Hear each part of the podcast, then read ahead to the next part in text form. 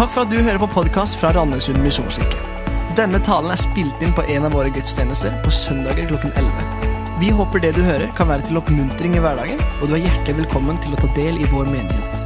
Gå inn på mkirken.no eller Randesund misjonskirke på Facebook for mer info.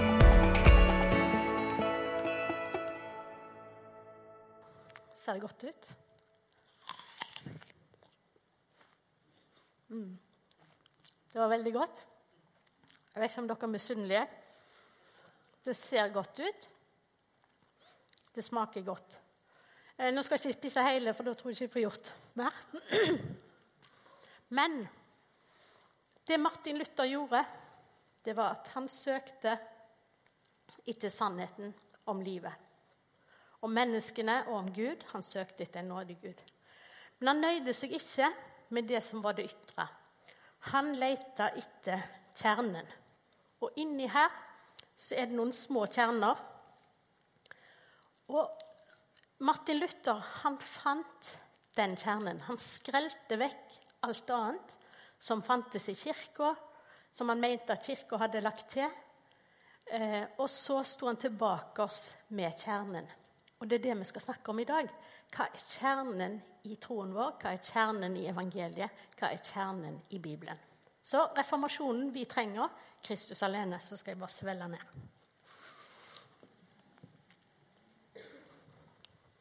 Takk.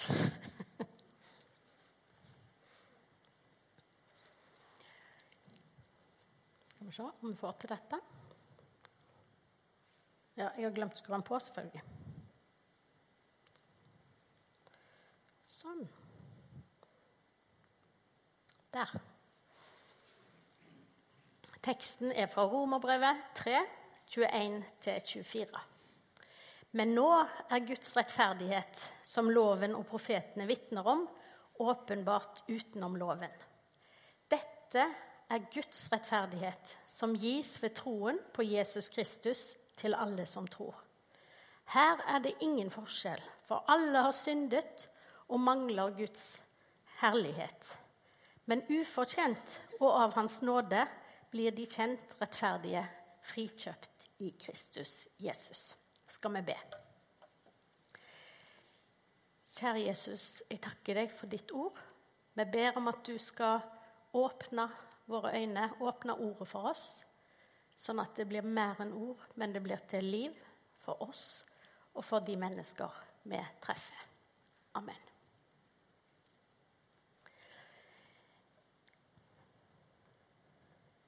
Martin Luther han var munken som prøvde å gjøre seg fortjent til Guds nåde ved å følge alle bud og påbud som var gitt ham. Og Det gjaldt også de munkeløftene som alle måtte avlegge. Og Det var tre løfter. Det var lydighet, absolutt lydighet, absolutt fattigdom, og det var seksuell avholdenhet. Og Martin Luther sier om seg sjøl om noen skulle ha fortjent å komme til himmelen gjennom sine gjerninger, så var det meg. Jeg tror ikke jeg ville sagt det samme, men Martin Luther sa det. Han gjorde alt han kunne, og alle fromme gjerninger som var krevd av han, fordi han ønska å, å finne fred med Gud. Men på tross av dette så fant han ikke fred. Og av sin sjelesørger, så ble han da henvist til å studere Bibelen.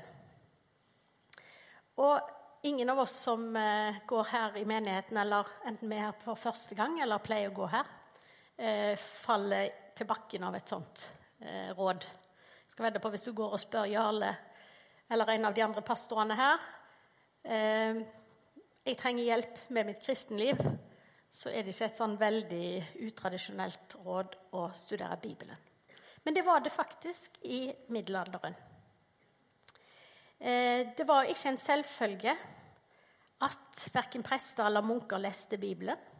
Det var ikke sikkert de hadde en bibel.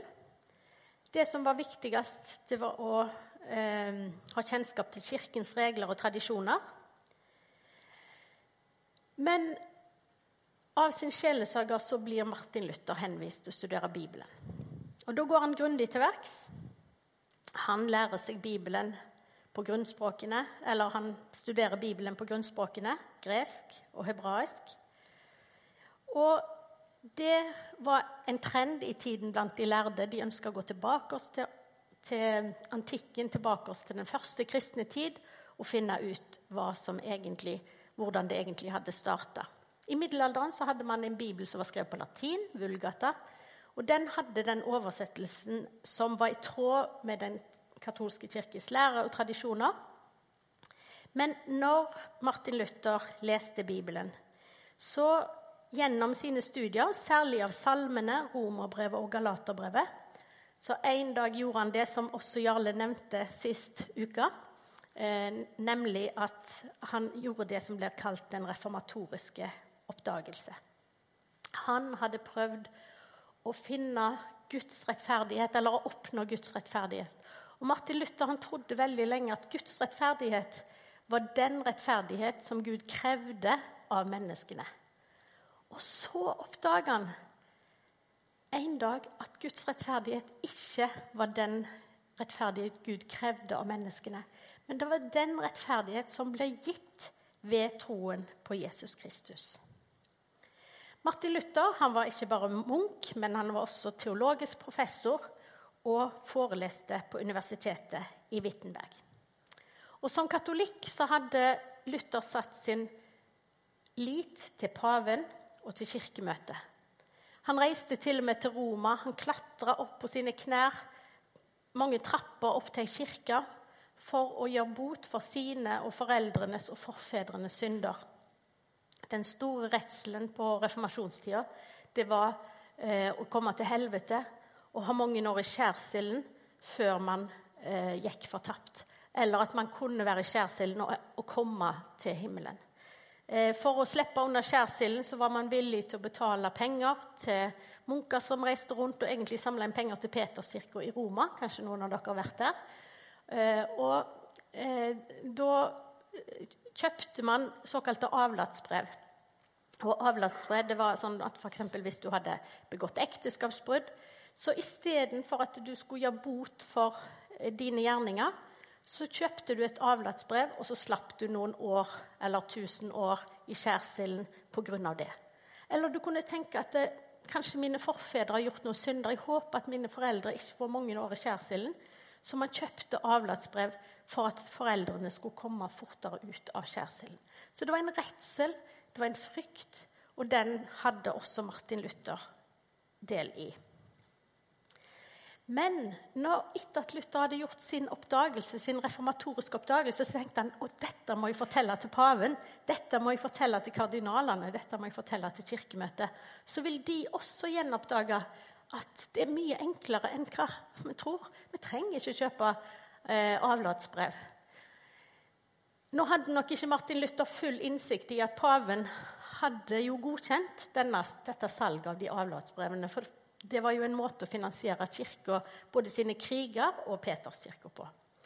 Eh, men når Martin Luther oppdaget at paven, verken paven eller kirkemøtet vil ta opp et oppgjør med det som Luther mente var menneskelige skikker som var lagt til i kirka, så førte det til at Luther brøyt med kirka, enda han egentlig ønska å reformere den. Det vil si at eh, Kirka brøyt først med han, for han ble lyst i bann, og eh, paven brant Luthers skrifter. Eh, og da svarte Luther med å brenne brevet som fortalte at paven hadde ekskommunisert han eller gjort han fredløs. Eh, for Luther så førte det til at livet hans ble helt forandra. Men ikke bare Luther sitt liv ble forandra. Tyskland, Tyskland, som eh, samfunn ble forandra. Eh, han starta en ny kirke. Vi her i Norge og vi som bor i Skandinavia, vårt, vårt liv er annerledes pga. det Martin Luther oppdaga. Så det er jo det er utrolig spennende med evangeliet. Det handler jo ikke bare om Jesus og meg. Det er Noen ganger vi tenker at det, det er også viktig, liksom det som skjer mellom Jesus og meg. Men Gud vil jo at vi skal være med og forandre hele verden. Og det var det Martin Luther gjorde. Så det vi skal snakke om her i dag, det er temaet Kristus alene. Dere har hørt at det har vært tre slagord minst for reformasjonen. Eh, det var Skriften alene, det var troen alene, og så er det Kristus alene. Og det er det jeg skal si mest om i dag. Men det handler altså om eh, tre temaer som jeg skal trekke fram. Det ene er eh, Kristus som Bibelens stjerne og kjerne. Eh, det andre er rettferdiggjørelsen ved Kristus, og det tredje er helliggjørelsen ved Kristus. Og selv om det står egentlig på tredjeplass, skal jeg begynne Ja, ja, nå har jeg seriøst sendt inn en gammel powerpoint. Men jeg hopper Skal vi se hvis jeg kan begynne der, da. Vi begynner med punkt tre. Kristus som Bibelens stjerne og kjerne, som Jarle talte om sist. Fordi eh, det var ikke nok for Luther å vise til Skriften alene. Det var et poeng for Luther å vise menneskene hvordan de skulle forstå Bibelen. Så her har jeg en bibel. Du har kanskje en hjemme. Du har kanskje flere hjemme. Hvor mange har flere enn én bibel hjemme? Hvor mange har bibel på sosiale medier? Eller det heter ikke sosiale medier, men sånn andre plattformer som en iPad eller en iPhone eller noe sånt? Ja, med noen av der. Noen får tilsendt et bibelvers. Eh, men på Martin Luthers tid så var det jo ikke sånn at alle hadde tilgang til en bibel. Så det første Martin Luther og hans eh, medarbeidere gjorde, det var å eh, oversette Bibelen fra hebraisk og gresk til tysk. Og Han tok ikke bare sånn at han tenkte han skulle bruke et høytidelig tysk, men han ville bruke et språk som han sa at dette skal konene på torget og bøndene på marka de skal forstå dette språket. Så Luther er faktisk regna også som skaperen av det moderne tyske språk. Eh, fordi at han eh, oversatte Bibelen ikke til et høytidelig lært språk, men til et dagligdags språk. Eh, når Luther i, eh, ble innkalt til en sånn kirkelig domstol på riksdagen i Worms i 1521. og Det var da han sa de berømte ordene 'Her står jeg og kan ikke annet'. Noen som har hørt om de før? Han står der og sier at hvis ingen kan overbevise meg om at jeg tar feil, så vil jeg verken tro på kir eh, paven, kirkemøtet, men jeg vil sette min lit til det min samvittighet forteller meg, nemlig eh, troen alene, nåden alene, Skriften alene. Her står jeg og kan ikke annet. Og Det Luther gjør, han er egentlig et av de første på en måte moderne mennesker. Fordi han setter sin egen samvittighet opp mot hele kirka, opp mot hele datidens samfunn. Og så sent Gud har overbevist meg om noe, og det må jeg følge. Når Luther forlot Riksdagen i Worms, så ble han erklært fredløst. Eh, og da arrangerte, Luthers liv var jo veldig spennende. Det fins en film om hans liv, så jeg kan anbefale dere å se. Eh, men eh, når Luther var på vei ut fra Riksdagen, så ble han kidnappa. Men det var ikke hans fiender som kidnappa men det var hans venner. De førte han til ei borg som heter Wartburg, og der ble han sittende i skjul i ett år for at ikke paven eller keiseren skulle drepe ham. Jeg vet ikke om noen av dere pleier å oppleve sånne ting, men uh, det gjorde Luther. Og Da kunne en jo tenke nei, dette var jo deprimerende. Nå får jeg jo ikke fullført det jeg har begynt på. Men Luther tenkte ikke sånn. Han brukte den tida godt. Han satt da i ett år og oversatte Bibelen eh, fra gresk og hebraisk til tysk, sammen med sine medarbeidere. Eh, I løpet av ett år var hele Det nye testamentet ferdig, og deler av Det gamle testamentet. Eh, men hele oversettelsen ble ferdig i 1534. Er noen av dere som har lest gjennom Bibelen på ett år? Kom til Ansgarskolen. Der har vi et sånt program der alle må lese gjennom Bibelen på ett år. Men altså, tenk på Luther. Han oversatte omtrent hele Bibelen på ett år. Det er jo ganske imponerende. Vi syns det er mye å lese gjennom Bibelen på ett år, men han oversatte Bibelen på ett år. Eh, og eh, når han hadde gjort det, så ble jo dette eh, gjort tilgjengelig for folk. Men det var jo bare det første skrittet, det var at folk kunne ha en bibel så de kunne faktisk forstå. Men det andre skrittet det var jo å veilede folk til hvordan de skulle forstå det som står i Bibelen. Jeg vet ikke om noen har begynt liksom, optimistisk i første Mosebok å lese Bibelen. Og så blir det jo kjedeligere og kjedeligere. Det er jo litt spennende i begynnelsen da, med skapelsen og syndefall og sånn. Men så kommer du liksom til så kommer du til ettertavlene og alle lover og regler i Fjerde Mosebok. Da er det, da er det tungt. Eh, selv om jeg har hørt taler over ettertavlen nå, sånn slags, eh, som får ja, bruke det som bilder. Da. Eh, og eh, når, jeg, når, jeg, sier det blir kjedeligere og kjedeligere, så betyr det jo ikke at det er kjedelig, for det er jo veldig mye spennende i Bibelen. Men hvis, hvis du liksom skal lese, lese, Bibelen fra A til Å, så, jo, så, er det vanskelig å vite hva er, hva er poenget her. Hva er det som er det viktigste? Og det er da Luther eh, ønsker å formidle at når du leser Bibelen, så ikke bare les fra A til Å og tenk at alt er like viktig. Nei, det er noe som er viktigere enn det andre. Alt i Bibelen er Guds ord. Alt er bra for oss å ta til oss, men noe er viktigere enn det andre. Og det som er viktigst, det setter det andre i perspektiv. Det er klart at Johannes 3, 16 er viktigere enn ettertavlene. Heldigvis. Så det Luther sier, er at du, du, får en nøkkel av meg til å låse opp Skriften. Og det er Kristus som Skriftens stjerne og kjerne. Så da sa han alt som viser til Kristus, alt som lærer oss om Kristus, det er det vesentligste i Bibelen, enten det står i Det nye eller Det gamle testamentet. Og Luther var egentlig ganske sånn frimodig når det gjaldt innholdet i Bibelen. Han mente at de beste brevene og skriftene i Bibelen var Romerbrevet, Galaterbrevet, Salmene. Men han kalte Jakobs brev for et stråbrev, for han mente at de ikke talte tydelig nok om, om nåden i Kristus. Og Johannes', åpenbaring mente han ikke var til å forstå. Det var så vanskelig med alle de bildene. Sånn at eh, hvis, eh, Så vi kan jo godt ta råd fra Luther, da hvis vi syns det er vanskelig å forstå innholdet i Bibelen. Eh, hvis du skal begynne å lese Bibelen, så les den som Guds kjærlighetsbrev til deg. Leit etter kjernen. Begynn gjerne med Johannesevangeliet, Galaterbrevet, Romerbrevet. Og vi har jo i motsetning til Luther, eh, menneskene på Luthers tid tilgang til Bibelen på vårt eget språk. Og vi har tilgang til den på mange plattformer.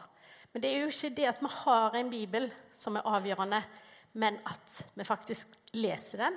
Men også at vi lar den prege våre liv. En sånn gammel historie som dere sikkert har hørt meg fortelle før, men jeg synes den er ganske talende, det er jo den predikanten som kommer til kvinner og så sier han, 'Har du en bibel?' 'Ja', sa hun. Så gikk hun og hentet en bibel i bokhylla. Og så åpna hun og sa 'Å, du, der fant jeg brillene mine. De har jeg ikke sett på ti år.' Sånn at det handler jo ikke om å ha en bibel, men det handler om å lese den og ta til seg det som står der. Skal vi se, Nå må vi gå tilbake oss til det som punkt to, da. Rettferdiggjørelse ved Kristus.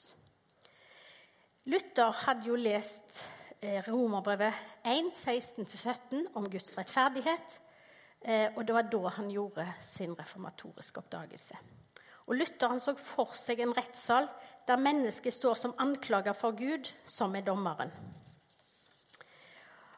Og når Luther eh, bruker dette bildet, så skreller han igjen vekk det som er blitt lagt til av Kirken og Kirkens tradisjon. Eh, det som Kirka mente dette er nødvendig for å bli frelst og unngå fortapelsen. Han søkt etter hvordan finner jeg en nådig Gud. Og Det er ikke sikkert at vårt hovedspørsmål i livet er å finne en nådig Gud. Jeg tror at for mange mennesker i dag er hovedspørsmålet hvordan kan jeg bli elska? Hvordan kan jeg bli elska som jeg er, uten alle staffasjer, uten det jeg har oppnådd eller ikke har klart å oppnå? Uten det jeg prøver å vise at jeg er. Vi bruker veldig mye tid, akkurat som menneskene på Luthers tid, på det som, er, som ikke eh, gir oss fred med Gud, eller som det ikke gjør at vi egentlig får en sånn kjærlighetsrelasjon, verken, med oss selv, verken til Gud eller våre medmennesker. Hvem av oss har ikke sittet på Facebook en dag vi har lagt noe ut og lurer på hvor mange likes har jeg i dag, og er det noen andre som har flere likes enn meg? Og fikk dette egentlig færre likes enn forrige gang jeg la noe ut. Vi ønsker så mange følgere som mulig på Instagram. Eh, ja, det har slått meg at på, eh, altså på, i filmer og på TV så eh, liksom er det helt sånn vanlig at man har sex etter første date. Men hvis noen sier 'jeg elsker deg', så, så blir liksom folk helt satt ut. Det er liksom det helt store. Eh, helt fra Adam og Eva så har vi vært opptatt av med mennesker å skylde på hverandre, eller at vi ser andre sin synd som større enn vår egen. Gud sier til Adam, 'Hva har dere gjort?' Og Da sier Adam, 'Det var Eva. Det var hun som lurte meg.' Og så sier Eva, 'Nei, det var ikke meg, det var slangen.' Og helt siden Edens hage så har vi egentlig sett på at andres synd er verre enn vår egen. Så vi prøver å tenke at ja, jeg er ikke narkoman, eh, jeg har ikke stjålet fra noen, jeg har ikke drept noen. Og derfor så har jeg det ganske bra. Men vi sitter og tenker at synd er noe andre gjør, og jeg har gjort før. Men vi glemmer at Guds krav er noe helt annet enn å leve et ytre sett vellykka borgerlig liv.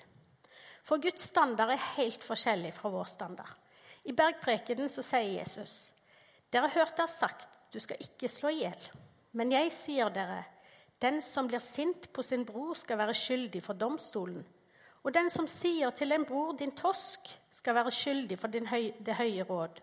Og den som sier, din gudløse narr, er skyldig til helvetes ild. Han sier også, dere har hørt der sagt, du skal ikke bryte ekteskapet. Men jeg sier dere, den som ser på en kvinne og har lyst på henne, har alt gjort ekteskapsbrudd med henne i hjertet sitt. Og Videre så sier han, ta dere i vare så dere ikke gjør de fromme gjerningene deres foran øynene på mennesker, for at de skal legge merke til det. Da får dere ingen lønn hos deres far i himmelen. Samle dere ikke skatter på jorden, der møll og mark ødelegger, og tyver bryter inn og stjeler. Men samle dere skatter i himmelen, der verken møll eller mark ødelegger, og tyver ikke bryter seg inn og stjeler. For der skatten din er, vil også hjertet være. Hva er synd? Vi tror ofte at det er noe de andre gjør, eller de store tingene. Men når Gud setter sitt lys på oss, så viser han oss at det, problemet er ikke den eller den eller den tingen vi har gjort eller ikke gjort. Men problemet er, ligger enda dypere i hjertet vårt. Det ligger i at vi er syndige mennesker. Vi er syndige. Det er ikke bare at vi gjør synd. Og vi gjør synd fordi vi er syndige mennesker. Så når vi står overfor en Gud som krever mye mer enn vi noen gang kan oppfylle, det er da vi får kanskje samme opplevelse uh, som Luther hadde. Hvordan kan jeg finne en nådig Gud som kan hjelpe meg, arme, syndige menneske? Hvordan kan jeg bli elska når Gud ser tvers gjennom mine vikarierende motiv, og når han ser lysten til det onde i mitt hjerte. I møte med Gud så raser våre byggverk sammen, og vi står alene foran Han som stiller kravene. Men det er da bildet av rettssalen kommer inn. Gud sitter der som dommer. Jeg står foran Gud. Han ser tvers gjennom meg og skal til å dømme meg til døden. Men det er da Kristus kommer. Han stiller seg foran meg. Og så ser Gud på Kristus, og så sier han, 'Jeg finner ingen synd her. Du er frikjent. Du er frikjent.' Og når vi tar vår tilflukt til Kristus, så ser Gud Kristus. Her er ingen forskjell, for alle har syndet og mangler nåde hos Gud men ufortjent, og av Hans nåde blir de kjent rettferdige, frikjøpt i Kristus Jesus. Men så er det det at vi trenger også helliggjørelse ved Kristus. Luther sa det sånn vi er samtidig rettferdige og syndere. Fordi at på en måte så kommer vi aldri lenger enn dette. Vi er frikjent av Gud. Vi er rene, rettferdige, himmelen verdige. Samtidig så tar det jo ikke lang tid før vi snubler og synder igjen. Og hvordan kunne det skje? Vi hadde jo bedt Gud om tilgivelse for våre synder med en ny skapning i Kristus. Noen mener at Luther hadde et for negativt og statisk menneskesyn. Jeg mener han har et nokså realistisk menneskesyn. Fordi at når vi leser både hva Luther skriver, så er han helt klart opptatt også av helliggjørelsen. Og hvis vi leser hva Paulus skriver, så snakker han om våre to naturer som står imot hverandre. Eh, og det er da eh, jeg har tenkt at ekteskapet er jo et godt bilde på hva det vil si å være samtidig rettferdig og synder. Jeg snakket med en som sa at eh, den første krangelen hans foreldre hadde, det var om hvordan egget skulle kokes til frokost. Det er ikke alltid de store tingene i ekteskapet, men det er jo oftest små, og det kan være litt forskjellig. Men det er klart at den dagen man står sammen med den man elsker, og lover troskap for evig og alltid, da tenker man jeg har vunnet lykken i livet. Jeg har vunnet vinnerloddet.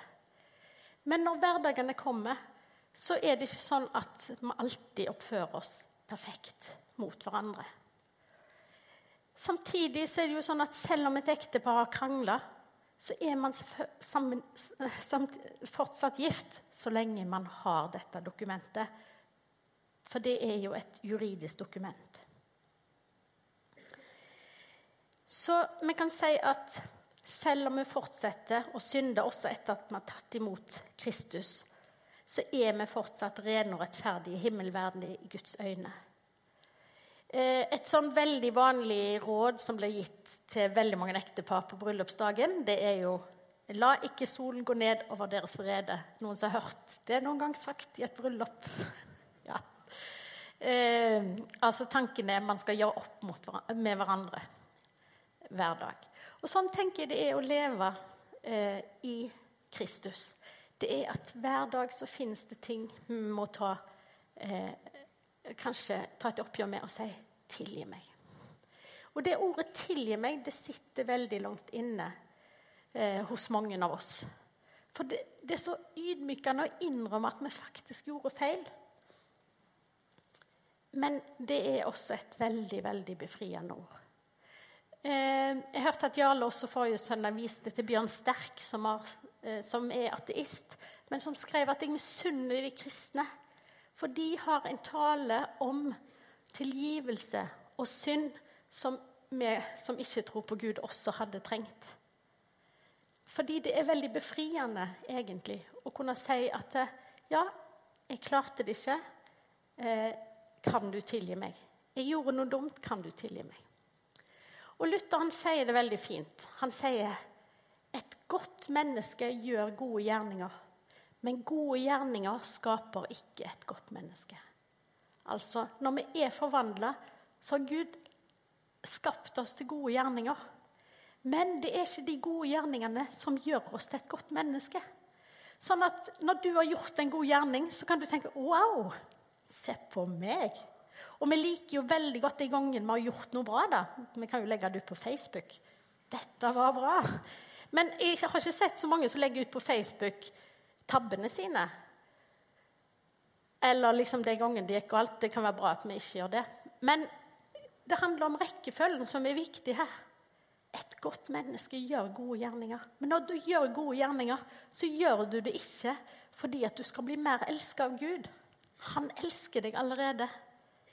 Men du skal få gjøre det for dine medmennesker fordi verden trenger det. Og Guds nådige invitasjon til oss mennesker, eh, det er det som står i åpenbaringen 3.20. Eh, For når alt skrelles bort, når vi ikke møter Gud med vår stolthet, men når vi møter Gud og lar Han faktisk se oss sånn som vi er, så møter du ikke Gud med all din pynt og staffasje, men du møter han der kjernen er. Og da inviterer han deg til et måltid. Fordi det, det står i åpenbaringen først 3, 16, 17 Jeg er rik, sier du.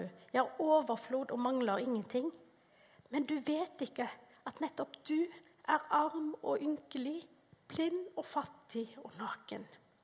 Derfor råder jeg deg til å kjøpe gull som er renset i ild, så du kan bli rik, og hvite klær som du kan kle deg med for å skjule din nakne skam, og salve til å stryke på øynene dine, så du kan se. Og så sier Kristus at han inviterer oss til et måltid, et uttrykk for fellesskap. Se, jeg står for døren og banker.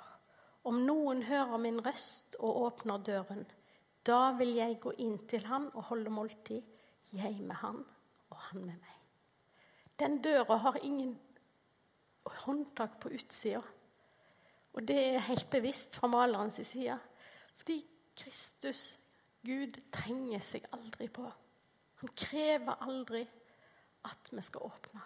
Men han står ved døra di og banker, og om du åpner, så vil han komme inn til deg. Og du holder måltid med han. Luthers tårnopplevelse fikk ikke bare betydning for han. Det fikk betydning for hele vår del av verden. Og når vi tar imot Guds nåde, enten det er for første gang eller for n-te gang, så vil det få betydning for deg. Men ikke bare for deg, for de menneskene du som er rundt deg, for din arbeidsplass og for samfunnet. Reformasjonen vi trenger, det er å vende tilbake oss til det enkle budskapet om Jesus Kristus som vår og verdens eneste frelser. Amen.